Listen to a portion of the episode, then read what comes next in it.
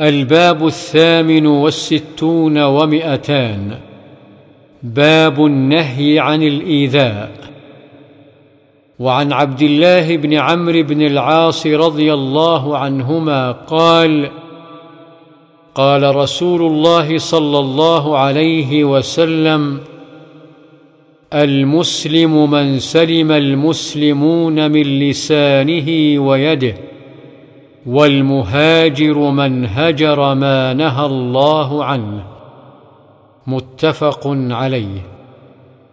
وعنه رضي الله عنه. قال قال رسول الله صلى الله عليه وسلم من أحب أن يزحزح عن النار ويدخل الجنة فلتأته منيته وهو يؤمن بالله واليوم الآخر وليأت إلى الناس الذي يحب أن يؤتى إليه. رواه مسلم. وهو بعض حديث طويل سبق في باب طاعة ولاة الأمور.